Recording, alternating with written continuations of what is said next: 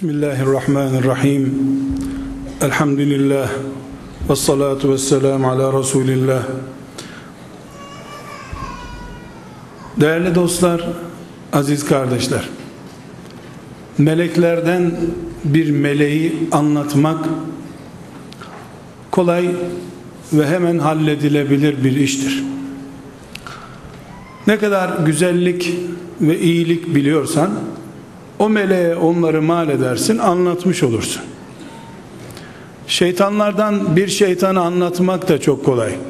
Bildiğin bütün kötülükleri ona mal ettin mi şeytanı anlatmış olursun. Ama bir insanı anlatmak bu kadar kolay değil. İnsanlık tarihinin en batak cahiliye dönemlerinden birisinden gelip rahmetellil alemin bir peygamberin biricik eşi olan bir kadını anlatmak kolay değil.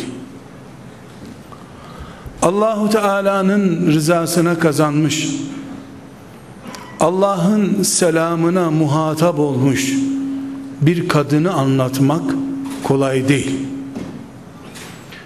Yıllar sonra Peygamber aleyhisselamın gönlünde taptaze duran bir Hadice'yi anlatmak hiç kolay değil. O kadınlar arasında bir kadın değil. O iyi bir eş değil sadece. O üçüncü kocası olan Allah'ın peygamberine bütün canı yüreğiyle teslim olmuş, hizmet eden bir kadın değil sadece. O sayısını Allahu Teala'dan başkasının bilmediği belki milyarlarca müminin annesi bir kadın. O yeryüzünde Resulullah'tan sonra ilk namaz kılan insan. O yeryüzünün dört büyük kadınından bir tanesi. Onu anlatmak herhangi bir edebiyat sanatını kullanılarak yapılabilecek bir şey değil. O sadece kelimelerle, yazılarla beyan edilebilecek bir duygu değildir. O Resulullah sallallahu aleyhi ve sellemi bile mest etti. Vefatından 10 yıl sonra bile içim onun sevgisiyle kaynıyor dediği bir kadından konuşacağız. Dilerim Allah o kadını konuşmayı erkekler ve kadınlar olarak hepimiz için bir bereket vesilesi kılsın. Örnek almayı ve peşinden gitmeyi hepimiz için kolay bir amel haline getirsin. Kardeşler söze başlamadan şu gerçeği tespit etmemizde yarar vardır. Ne Hatice'yi ne de Fatıma'yı ne de Aişe'yi sabahlara kadar oturup konuşmak asla bir ibadet değildir. Sabaha kadar milyonlarca kere Hadice Hadice demiş olsa bir insan bundan bir sevap kazanmaz onun doğumunu, ölümünü, evliliğini, kolyesini, bileziğini bilmek de bir sevap çeşidi değildir. Tarih ilmi bile değildir. Hadice kültür niyetiyle öğrenilir bir kültür malzemesi de değildir. O belki de hayatı hakkında bir sayfa dolusunu geçmeyecek çok az bilgi bildiğimiz bir kadındır. Onun ne kaşları, ne gözleri, ne de elbisesi veya düğünü, eşi, çocukları bize lazım değil. Bize Allah'ın peygamberinin kimsesi olmadığı bir zamanda ona kimse olmayı kabul eden kadın lazım. O garipliğin en zirvede olduğu ve insanların Resulullah sallallahu aleyhi ve sellemi mecnun gördükleri, başlarının belası, tefrikacı ve huzur bozucu gördükleri bir zamanda tek başına kalmaya razı olan, o erkeklerden önce erkek gibi davranan o kadın lazım. O da tarih ve kültür bilgimiz olsun diye değil. Kadın nasıl olmalıdır bunu öğrenmek için. Eş kimdir? Bunu görmek için. Ve bir de şunu öğrenmek için.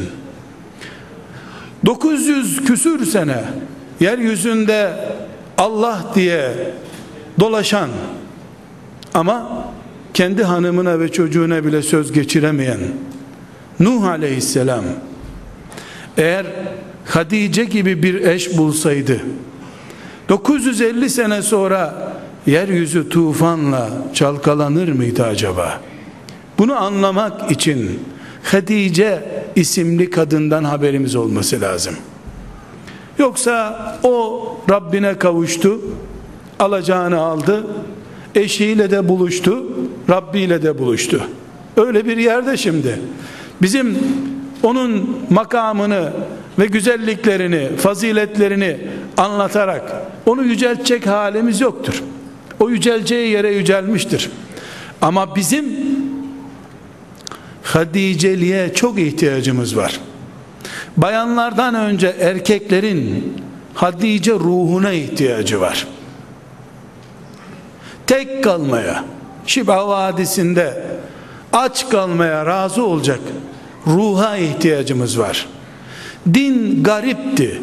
İlk garip günün kadını, erkeği, ruhu o oldu.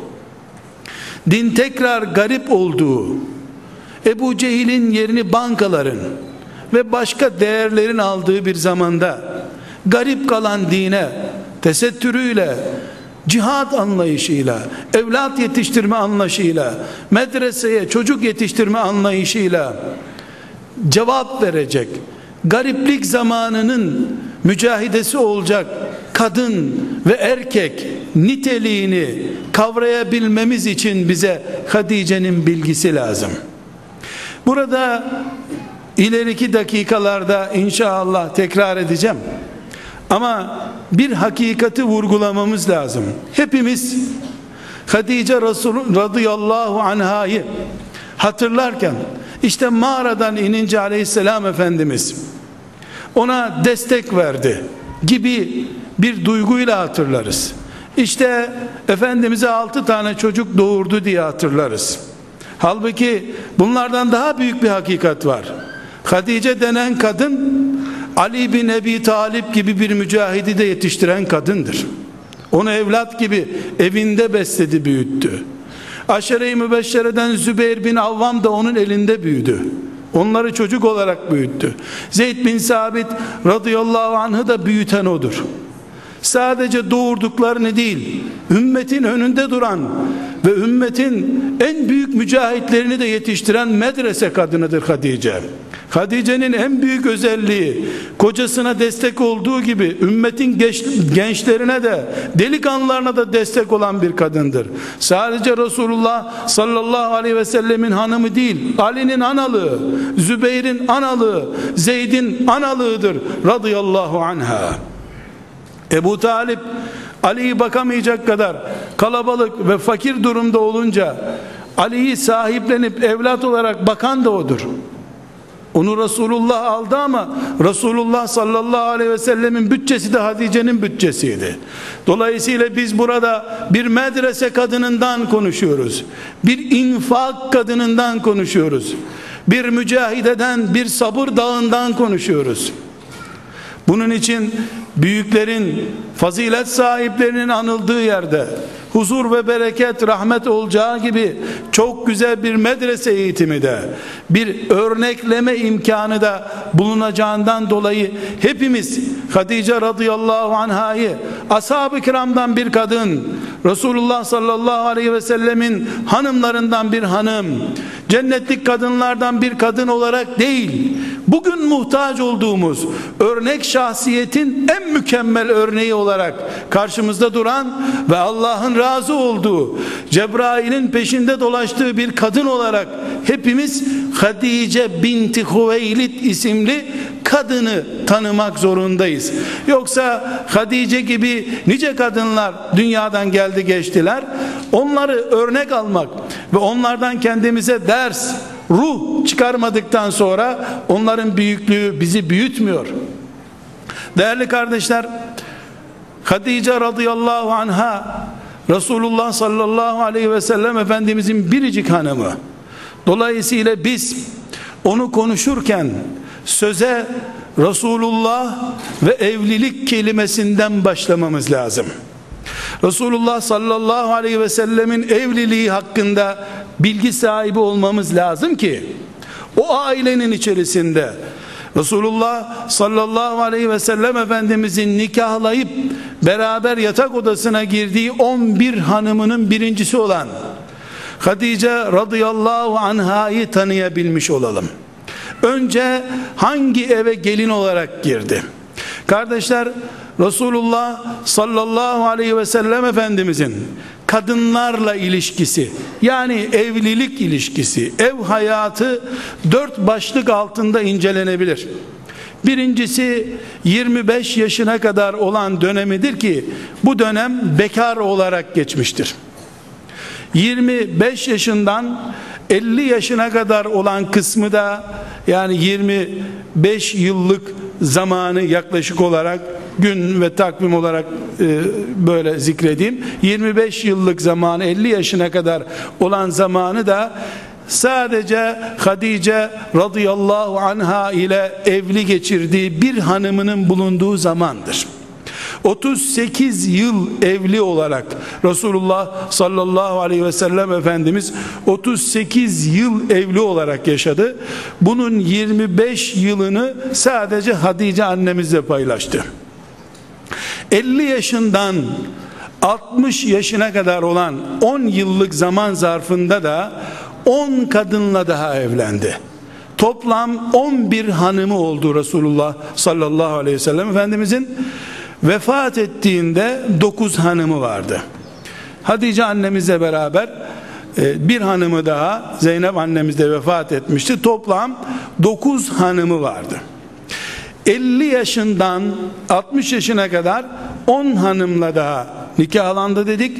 60 yaşında iken Ahzab suresinde Allah Teala bir daha bundan sonra evlenmen ve elinin altındaki kadınları değiştirmen sana helal değil ayeti inince 60 yaşından 63 yaşına kadar da e, başka bir hanımla evlilik ilişkisi olmadı.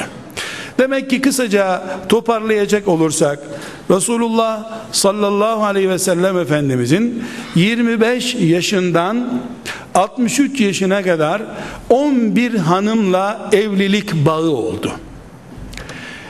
Burada kardeşler 11 rakamı bizim için büyük bir rakam. 11 evlilik vefat ederken de 9 hanımıyla nikahı devam ediyordu. Ancak bir hakikati beraberce hatırlamamızda fayda var. Resulullah sallallahu aleyhi ve sellem bütün evliliklerini insan olarak yaptı. Yani nübüvvet kimliğini kullanarak evlenmedi. Abdullah'ın oğlu Muhammed olarak evlendi. Sallallahu aleyhi ve sellem insan olarak bir insan olarak evlendi. Fakat evliliğiyle ilgili Kafirlerin ne dediğine, kalbinde maraz bulunanların ne dediğine önem vermiyoruz. Ne derse desinler. Kur'an-ı Kerim'in pakladığı bir sistemi, bir işi tartışanın ne bizimle ne bizim onunla herhangi bir alıp vereceği olamaz. Şeksiz ve şüphesiz.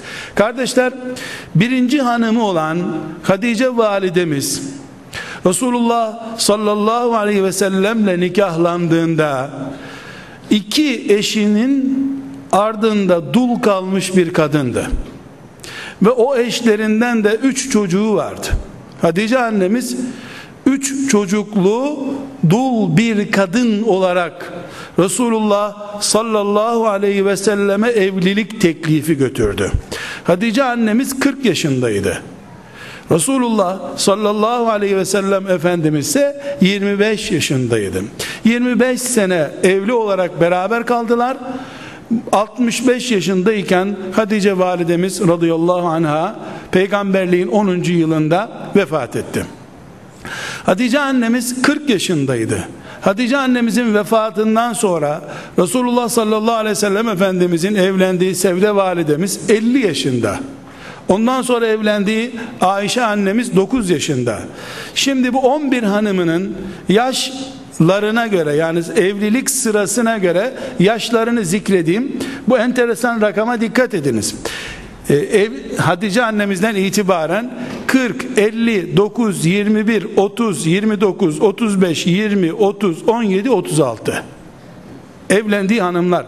Bunlardan sadece Ayşe validemiz radıyallahu anha bekar bir kadındı. Bunun dışındakiler ya bir savaşta esir düşmüş savaş meydanında kimsesiz kaldığı için Efendimiz ona acımış uhdesini almış veya kocasından boşandığı için garip kalmış bir kadın. Dullar kampı gibi bir evlilik yapmış aleyhissalatü vesselam Efendimiz. Sadece Ayşe validemiz 9 yaşında iken Resulullah sallallahu aleyhi ve sellem Efendimizin zimmetine hanımı olarak girme şerefiyle müşerref oldu. Allah hepsinden razı olsun. Burada Resulullah sallallahu aleyhi ve sellem Efendimizin hanımlarının yaşları dullukları itibara alındığında özellikle Hatice validemizle evliliğindeki e, işleyiş ya da o evliliğin meydana gelişini dikkate aldığımızda büyük bir gerçekle karşılaşıyoruz. Resulullah sallallahu aleyhi ve sellem kadınlarla bir erkeğin yaşayacağı her şeyi yaşamıştır. Ama bu yaşayışı şehveti putlaştırmaktan, kadın peşinde, şehvet peşinde olmaktan değildir. Bu böyle olmadığı halde dokuz hanımıyla aynı dönemde bir arada bulunduğu halde yatak odası ilişkileri, sosyal ilişkiler, akraba ziyaretleri, dünürleriyle, hısımlarıyla bağı açısından da toplam olarak söylediğimizde dokuz hanımıyla da aynı eşitlik standartını özellikle korumuştur. Özellikle korumuştur ve çok önemli bir mesele kardeşler. Resulullah sallallahu aleyhi ve sellem Efendimiz hanımlarıyla yani ev dünyasında tam bir koca gibi yaşamıştır. Peygamber gibi değildir. Yani onu hanımları namaz kıldırdığı zaman arkasında bir peygamberin peşinde namaz kılarak durdular onları bir yolculuğa götürdüğünde, bir cihat hareketine götürdüğünde cihat eden bir komutanın peşinden gittiler. Ama yatak odalarına kapandıklarında karşılarında Abdullah'ın oğlu Muhammed'i buldular. Aleyhissalatü vesselam Efendimiz. Hani şöyle bir anlatım doğru değil. Resulullah sallallahu aleyhi ve sellem Efendimiz hiçbirinin üstüne tutmadı. Onlarla bulunduğu hiçbir yerde banyo yapmadı. Onlarla hep böyle eğitim, öğretmenlik, talebelik, hocalık ilişkisi içerisinde bulunduğu ifadesi sadece Ayşe annemizin onlarca rivayet ettiği yatak sahnesi baz alındığında yanlıştır. Sadece Ayşe annemizin anlattıkları, Bukhari ve Müslim'de anlattıkları bile dikkate alındığında böyle olmadığını, tam bir erkek Müslüman gibi bulunduğunu, onların bütün hakkını verdiğini, onlardaki bütün hakkını da aldığını görüyoruz. Yani bir insan gibi Medine'de yaşayan bir Müslüman gibi evlendi. İkinci, üçüncü, dördüncü, beşinci, dokuz, on, on birinci hanımıyla evlenişinde bu standart vardır. Burada kardeşler e, bizim için çok önemli olan husus e, hiçbir kadını peygamberlik forsunu kullanarak hanımı haline getirmemiştir. Bu çok önemli bir maddedir. Hatice validemiz bile evliliği kendisi teklif etmiştir. Resulullah sallallahu aleyhi ve sellem onun işçisiydi. Onun malıyla ticaret yapıyordu. Ahlakı hoşuna gitti. Ahlak kökenli bir kadın olduğu için de Resulullah sallallahu aleyhi ve selleme evlilik teklifinde bulundu. Peygamber aleyhisselam efendimiz üç tane çocuğu kucağında bulunan ve iki kocadan dul kalmış birinde ölmüş öbürüyle evlenmiş bir kadına evlilik teklifi götürmeyi düşünmüyordu.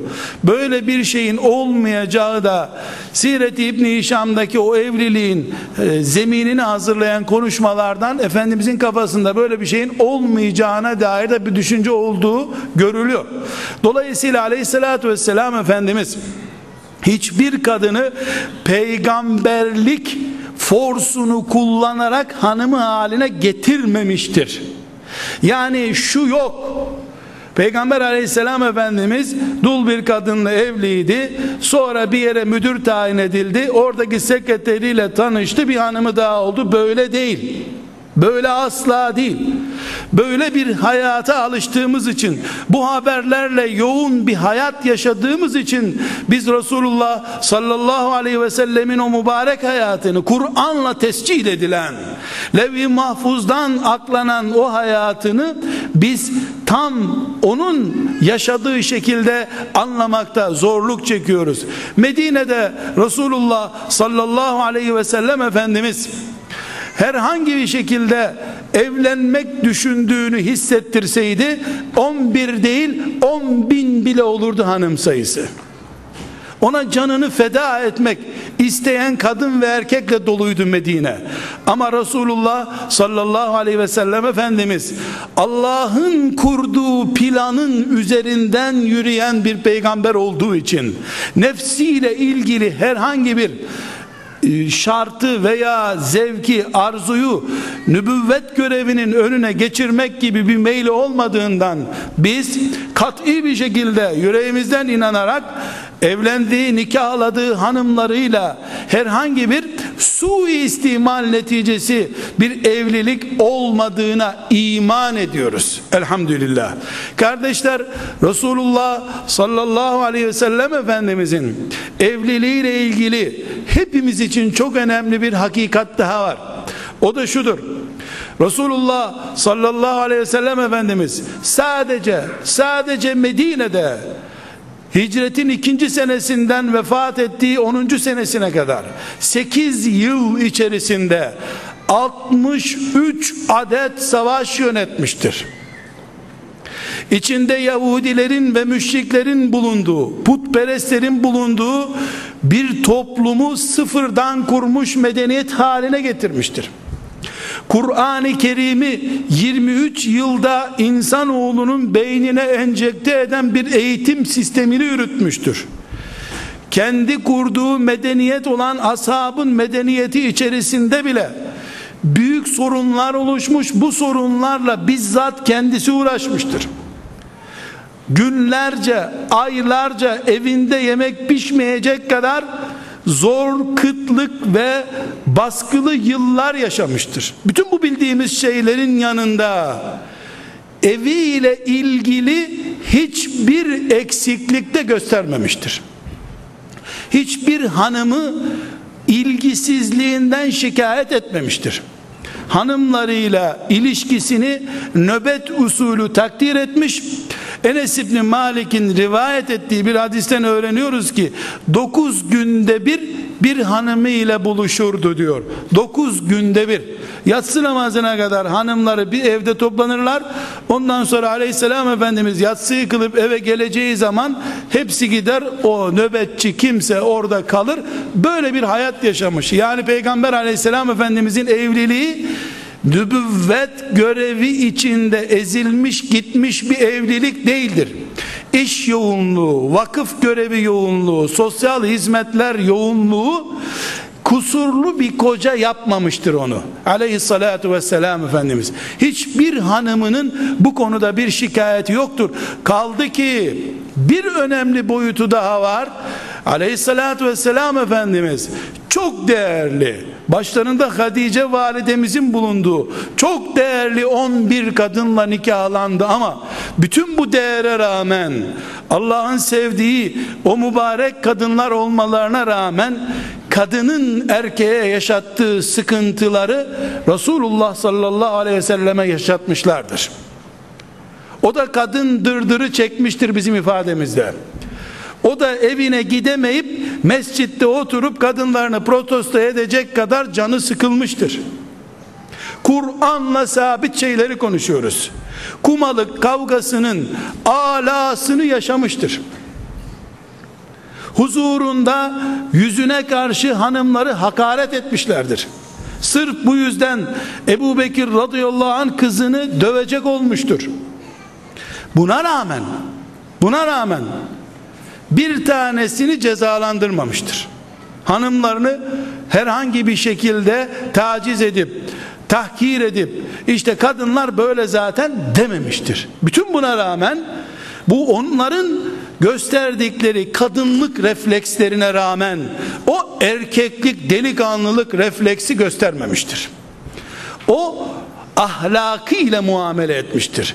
Kadınlık ahlakına karşı bile kadınlar arasında yaygın olan o kadın düzeyindeki ahlaka bile Cebrail'den gördüğü eğitimle cevap vermiştir sallallahu aleyhi ve sellem Efendimiz. Burada kardeşler onun hanımlarıyla olan ilişkilerinden söz edersek sevgili anamıza laf kalmaz, söz kalmaz. Bu sebeple sadece uç noktalardan örnekler vererek yetiniyorum. Aleyhissalatü vesselam Efendimiz herhangi bir şekilde hanımlarının ezilebileceği bir kısıtlama yapmamıştır. Aç kaldığı için onların da yemeğini kısmak zorunda kalmıştır kendisi ayakta duramayacak kadar yüzünün rengi solacak kadar aç kaldığı için evine bir şey götürememiştir ama arkadaşlarıyla muhabbet ettiği için hanımlarını yalnız bırakmamıştır Kadınlar 11 hanımı da Resulullah sallallahu aleyhi ve sellem Efendimiz'den doyasıya kocalık görmüşlerdir. Burada sadece bir örneği ayrıntı olarak zikretmek istiyorum. İnşallah bizim de şefaat görmemize vesile olur. Bir de ailelerimize örnek olmasına, ev ilişkilerimize örneklik oluşturmasına vesile olur inşallah. Ayşe validemiz radıyallahu anha hanımlarının en genci, en zekisi biraz da en şımarığı gibi durduğu için onun daha fazla yani çok uzun da yaşamış Efendimiz Aleyhisselam'dan sonra çok uzun yaşamış. Onun bu farklılıkları hanımlarıyla ailesiyle ilgili ilişkilere dair bilgilerin bize daha çok gelmesi, onun lisanıyla, onun ağzından daha çok gelmesine vesile olmuş. Ahmet bin Hanbel'in müsnedinde anlattığı bir olay var. Efendimiz sallallahu aleyhi ve sellemin onunla şakalaşıp şakalaşmadığını, onu nasıl sevdiğini merak etmişler, sormuşlar. O da bir örnek vermiş. Demiş ki sofrada et yediğimiz zaman kemiğini et, eti kemiğinden güzelce yerdim. O kemiği elimden alırdı. Benim dişlediğim yerleri bulup oraları tekrar dişleyerek bana sempatisini gösterirdi diyor. Birbirlerinin ağzına çatal koymalarından bahsetmiyoruz. Bunu et düşkünüydü, eti çok severdi, ondan mı yaptı diye bir soru olmasın diye. Sonra diyor ki ben ne zaman su içsem kalan kısmını tasını alır, dudağımı değdirdiğim yeri bulur, dudağını oraya değdirerek içerdi diyor. Sonra da bir ilave daha yapıyor. Üstelik de benim aybaşı günlerimdi böyle olduğu zaman diyor. Ki genelde erkekler hanımların bu tür günlerinde hanımları bir, bir miktar tiksinirler. Yani hanım o gün temiz olmaz, güzel kokmaz düşünür erkekler. Ayşe validemiz bu noktaya varıncaya kadar ev ilişkilerinden, onun kocalık ve aile standardından bize örnekler veriyor. Allah ondan razı olsun. Kardeşler 11 hanımının birincisi Hadice binti Hüveylid radıyallahu anha validemizdir. Müminlerin annesidir. Hepimizin bildiği hakikatler var. Hadice validemiz ilk mümindir. Yeryüzünde ilk la ilahe illallah diyen kadındır. Hiç tartışması yok bunun. Erkeklerden ilk kimdir sorusunun cevabında bir nebze tartışma olabilir. Ebu Bekir midir Ali midir tartışılabiliyor. Ama ilk iman eden, ilk Allah'ı kabul eden kadın Hadice'dir. İlk İslam için çıkarıp hayır yapan, malından infak eden Hadice radıyallahu anhadır. Sadaka veren kadındır. Ne Ebu Bekir, ne Abdurrahman İbni Avf onlar değil. İlk sadakayı kullanan kadın Hadice'dir. Resulullah sallallahu aleyhi ve sellemin zevcesi, hanımı olduğu için vahiy ilk defa onun evindeyken Hadice'nin yorganıyla örtünen Resulullah sallallahu aleyhi ve selleme indi ya eyyuhel müddessir oradaki yorgan ey yorganına bürünen kadın diyor ya o yorgan Hadice'nin yorganıdır Dolayısıyla Kur'an'ın ilk okunduğu ev Hadice'nin evidir. Çünkü Resulullah sallallahu aleyhi ve sellem Hadice'nin evinde yaşıyordu. Hadice'nin evindeydi.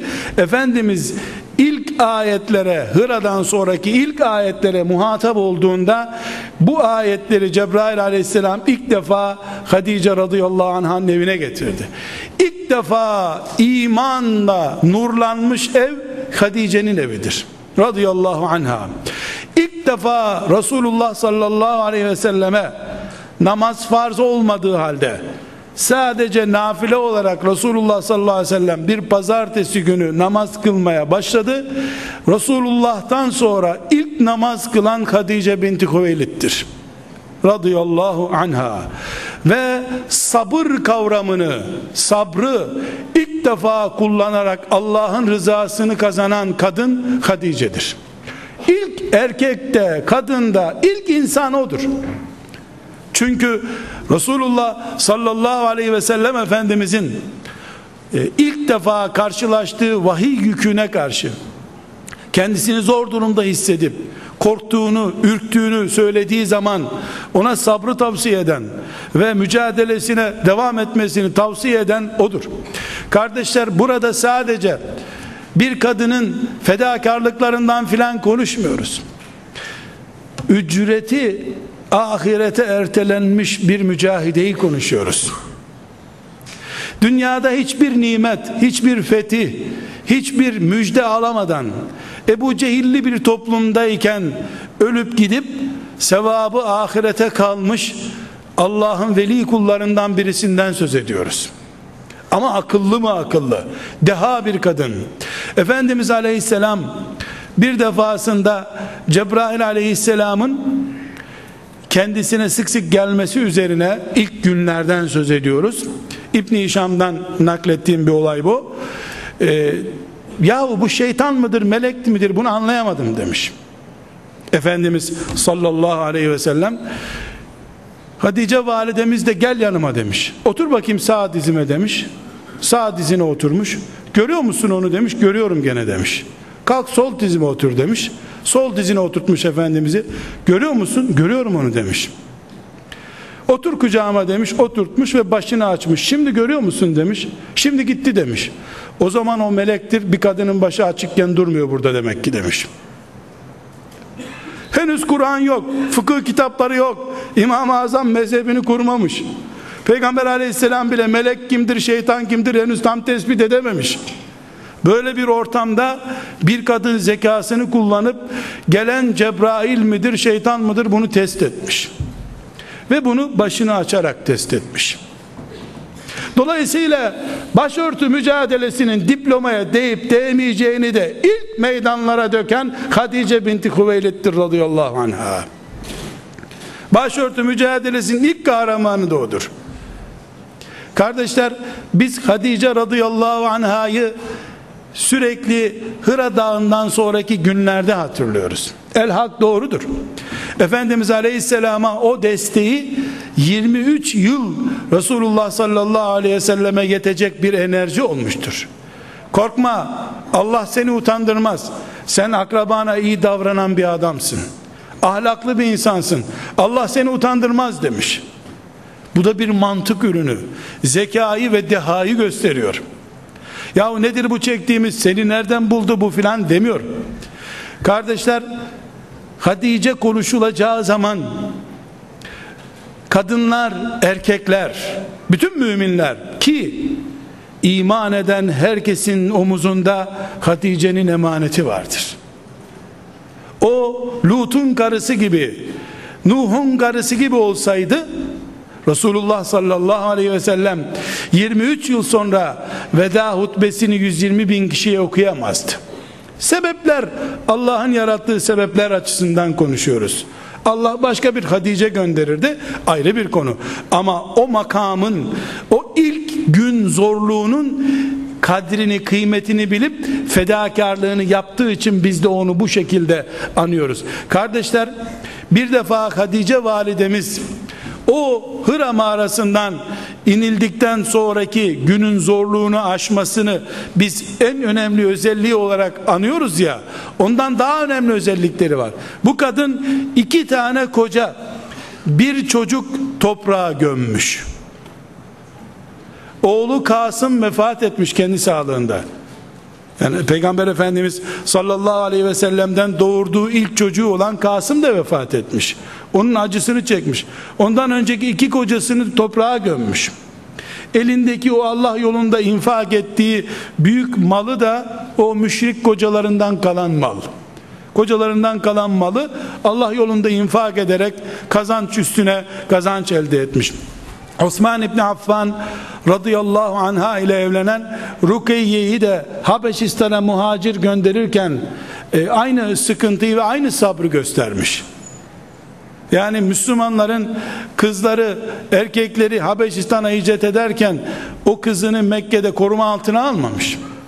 O da kızını muhacir olarak Habeşistan'a göndermiş. Resulullah sallallahu aleyhi ve sellemin Şiba Vadisi'ndeki o büyük muhasara, açlık ve kıtlık baskı yıllarında bizzat Resulullah sallallahu aleyhi ve sellem Efendimizin yanında bulunarak sebatını göstermiş elindekini çarçur ederek bir günlük maişetini temin etmek için Resulullah sallallahu aleyhi ve sellem ve ashabının o muhasara altındaki ashabının her türlü fedakarlığı göstermiş.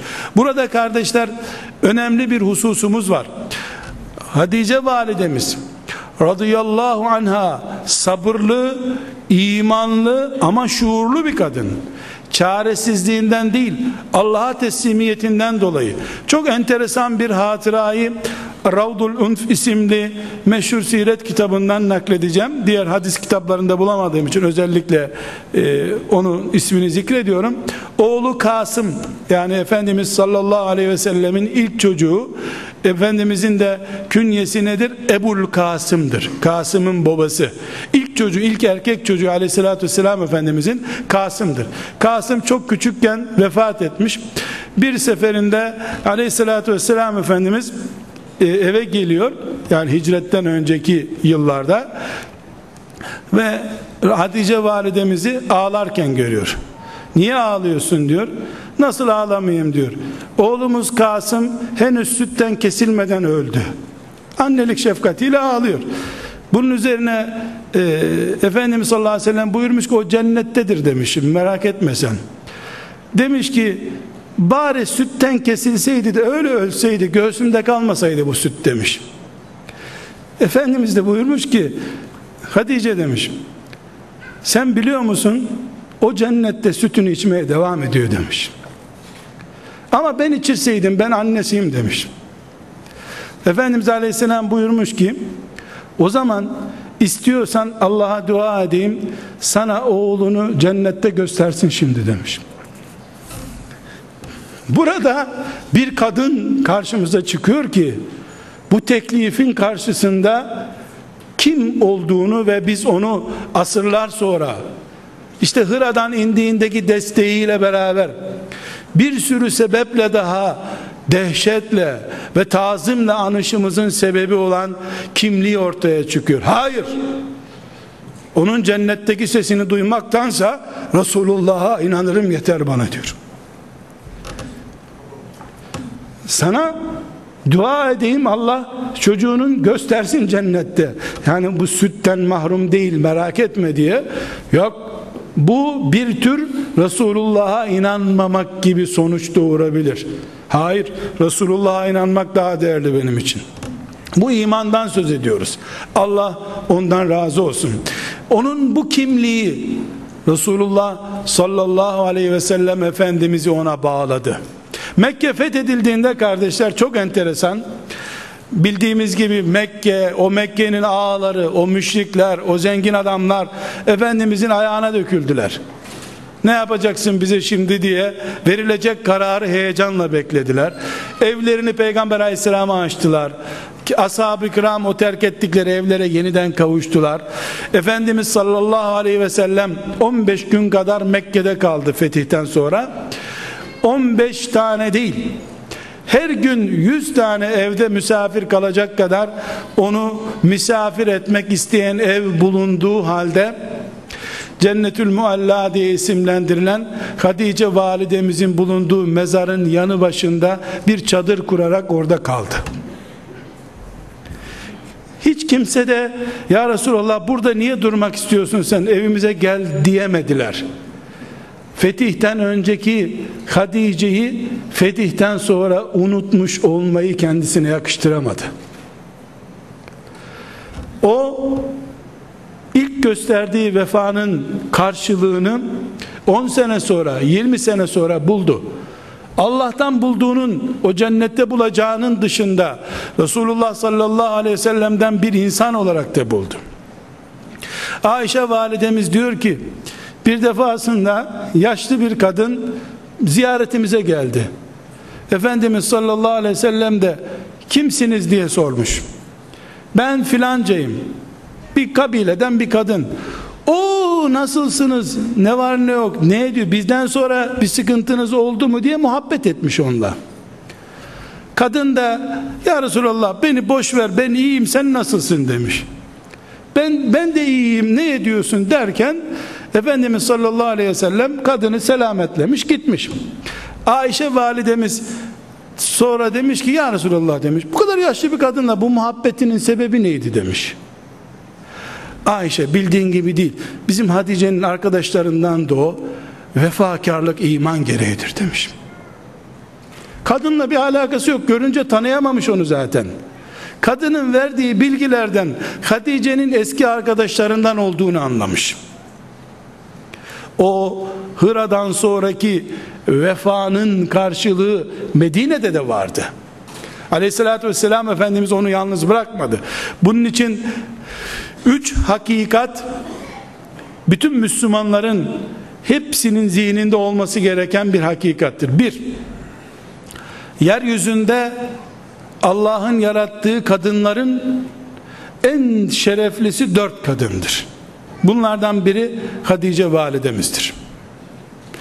Biri Meryem validemizdir. Diğeri Fatıma radıyallahu anha validemizdir. Öbürü de Firavun'un karısı Asiye'dir. Filan şeyhin kızı kutupmuş, takınmış, tezgahmış, bir yıldızmış anlamam ben. Dört kadın dünya kadınlarının efendisidir. Hiçbir kadının bunlardan daha üstün olması mümkün değil. Çünkü bunlar göklerden tescil edilmiş, levh-i mahfuza kaydedilmiş kayıtlardır. Dünya kadınlarının en değerlisi Hatice validemizdir.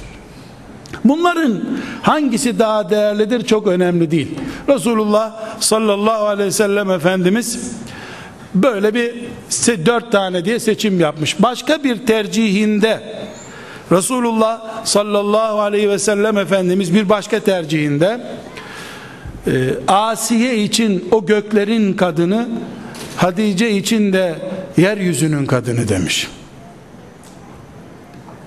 Ama her halükarda Hatice validemiz Havva annemizden doğmuş, yaratılmış, kıyamete kadar gelecek bütün kadınların ilk dördünden bir tanesidir. Vefasından, ahlakından, infakından, imanından hangisinden olup olmadığını biz bilmiyoruz.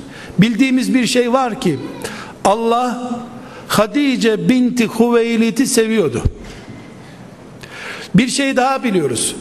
Resulullah sallallahu aleyhi ve sellem Efendimiz Hatice'yi ölünceye kadar sevdi. Bir defasında Efendimiz Aleyhisselam için bir hayvan boğazlanmış, hayvan kesilmiş.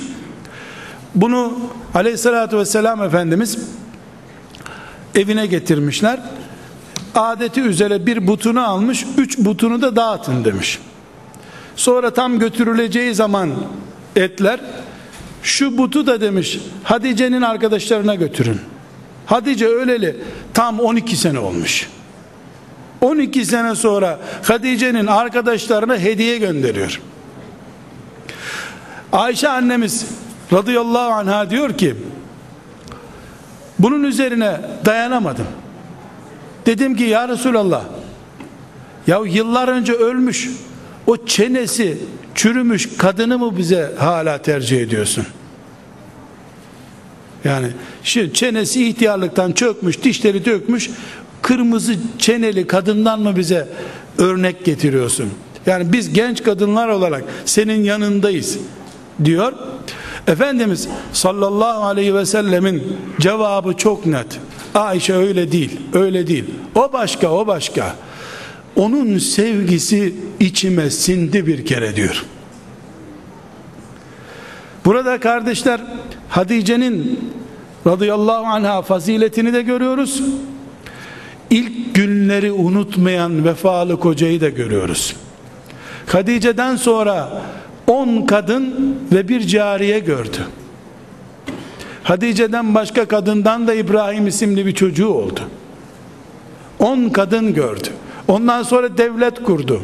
Ondan sonra ona Kur'an'ın bütünü indi. Ondan sonra zaferden zafere dolaştı. Ondan sonra o hicret etmek zorunda kaldığı Mekke'ye muzaffer olarak girdi. Cihat bayrağını yeryüzünde dalgalandırdı. Hatice'nin yeri başka. Burada sadece Hatice değil gündemimize gelmesi gereken. Aynı zamanda biz ona karşı vefa gösteren, o vefasını yıllar sonra dilinden düşürmeyen Resulullah sallallahu aleyhi ve sellemin kocalık meziyetlerini de görmüş olmamız lazım. Kardeşler ikinci özelliği Hatice validemizin sadece Abdullah'ın oğlu Muhammed'in iyi bir eşi değildi. O Darül Erkam'dan önce ilk medreseyi kuran kadındır da aynı zamanda. Evini hizmete açmış bir kadındır. Bütün kıtlığına, sıkıntılarına rağmen evinin bütün imkanlarını, elindeki malın tamamını Resulullah sallallahu aleyhi ve sellemin davasına ve etrafındaki ilk yedi kişiye harcamış kadındır. Onun evinde ilk yedi kişi yetiştiler. Bunların yedincisi Abdullah İbni Mesud'dur. İlk yedi kişi yetiştiler. Yedi kişinin ayakta bile duramayacağı kadar daracık bir ev olduğu için o evden Darül Erkam'a intikal ettiler. Dolayısıyla biz hep İslam'ın ilk yıllarından söz ederken Darül Erkam'dan söz ederiz. Hani Darül Erkam'ın işte çok değerli hizmetler yaptığını halbuki Darül Erkam'dan önceki ilk mektebin, ilk medresenin, ilk örgüt yerinin adı e, Hatice radıyallahu anh'ın evidir.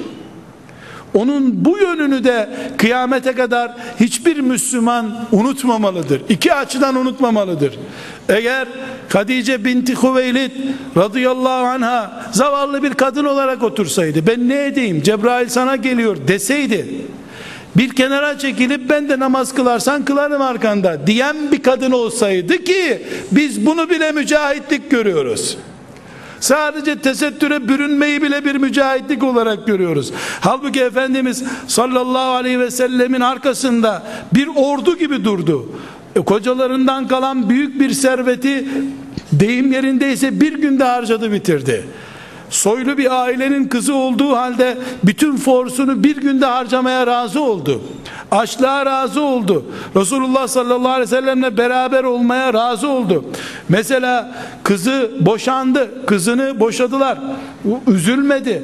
Boşama tehditlerini aldırış etmedi. Efendimiz sallallahu aleyhi ve sellemle beraber çektiği bütün sıkıntılar da var.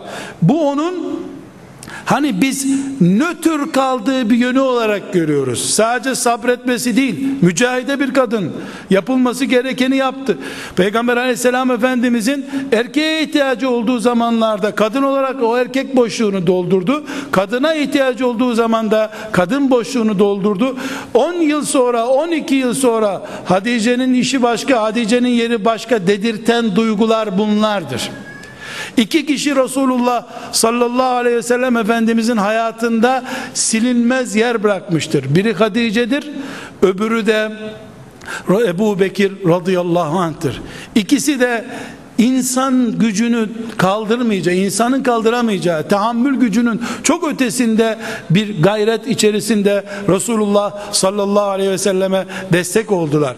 Burada kardeşler Hatice validemizin sadece iyi bir kadın olması değildir diye vurgulama yapıyorum. Bu bütün övgüler onu asırlar sonrasına taşıyan, onu göklerden muştulanmış bir kadın haline getiren, onun nötr kalışı, başörtü takışı, işte ilk namazı kılışı değildir. İlk hamleyi yapan, evini örgüt yuvası haline getiren ve Müslüman bir nesil yetişmesi için Ali'yi, Zübeyir'i, Zeyd'i evlat gibi bağrına basan bir kadın olması çok önemli. Eğer Ali bin Ebi Talip diye bir mücahitten ve ilmin ilim deryası bir insandan söz ediyorsak ona analık eden annelik vazifesi yapan Hatice'yi hatırlıyor olmamız lazım. Aşere-i Mübeşşere'den Zübeyir aynı şahıs. Burada kardeşler biz kendimize ders çıkardığımız zaman Hatice'yi sadece çok iyi bir eş, Kur'an-ı Kerim'e ilk muhatap olmuş bir insan olarak görürsek hakkını takdir etmiş olmayız. Değerini bilmiş olmayız. Allah ondan razı olsun. Burada kardeşler Hatice validemizle ilgili onun Allah katındaki değeriyle ilgili çok önemli hadisi şerifler var. O hadisi şeriflerden bir iki tane zikretmek istiyorum. Birincisi e, Hatice radıyallahu anha validemiz yeryüzünde peygamberlerin bile duymadığı bir cümleyi duymuştur. Peygamberler Cebrail gördüler. Vahiy gördüler. Ama her peygamber kendisine kitap gelmediği için her peygamber ulvi sözlere muhatap olmadı. Allah öyle murad etti, öyle plan etti. Kimine geldi Cebrail aleyhisselam görevini teslim etti gitti. Herkes Musa değil, herkes İsa değil, herkes Nuh değil. Onların yeri başka. Burada Nesai'nin rivayet ettiği bir hadisi şerif var. Bu hadis-i şerif hepimizin dikkatini çekecek yönlere sahip. Efendimiz sallallahu aleyhi ve sellem e, Cebrail aleyhisselamla buluştuğu bir pozisyonda Cebrail aleyhisselam diyor ki ey Muhammed Allah Hadice'ye selam söylüyor bunu ona ilet diyor. Efendimiz de gelip Hadice Allah sana selam gönderdi diyor ne cevap vermiş biliyor ve aleyküm selam çok memnun olduk değil. Öyle değil cevabı. Zaten selam Allah'tır demiş. Cibril'e de selam olsun. Selam rahmet bereket de sana olsun sevgili eşim demiş. Ne gördük? Bu selamı hak eden kafayı gördük. Allah sana selam söylüyor'a verdiği cevap içinde kurulu düzeni gösteriyor. Allah'a ne deneceğini, Cebrail'e ne deneceğini, bir eş için nasıl karşılık vereceğini, verileceğini gösteriyor. Allah ondan razı olsun. Başka bir hadisi şerif var. Yine Ayşe annemizden Efendimiz sallallahu aleyhi ve sellemin e, yine böyle bir muhabbet esnasında Ayşe annemiz buyuruyor ki Efendimiz sallallahu aleyhi ve sellemin Hatice'den başka hiçbir hanımını kıskanmadım diyor. Halbuki Hatice'yi Hatice daha doğrusu Hatice vefat ettiğinde bu bebek henüz. Hatice ile tanışmışlığı da yok. Ama ne diyor? Mevcut kumaları var. Kendisinden mesela 15 yaş büyük kuması var. e, 25 yaş büyük kuması var. Yan odada 8 tane daha oda var. Her odada bir kuması var. Hiçbirini kıskanmadım. Hatice'yi kıskandığım kadar diyor. Hatice'yi o kadar andı ki bir gün iyice bıktım diyor. İyice bıktım. Ebu Bekir'in kızı. Bir hakikat daha var. Resulullah sallallahu aleyhi ve selleme kalabalık bir erkek topluluğunda en çok kimi seviyorsun diye sorulduğunda Ayşe'yi demiş. Yaşayanlardan Ayşe'yi çok seviyor. Buna rağmen ölmüş bir kadını kıskanıyor. İlk başta dedik ya yani kadınlıkla ilgili sıkıntıları yaşadı aleyhisselam efendimiz. Bir gün efendimize itiraz etmiş. Yeter ya Resulallah demiş.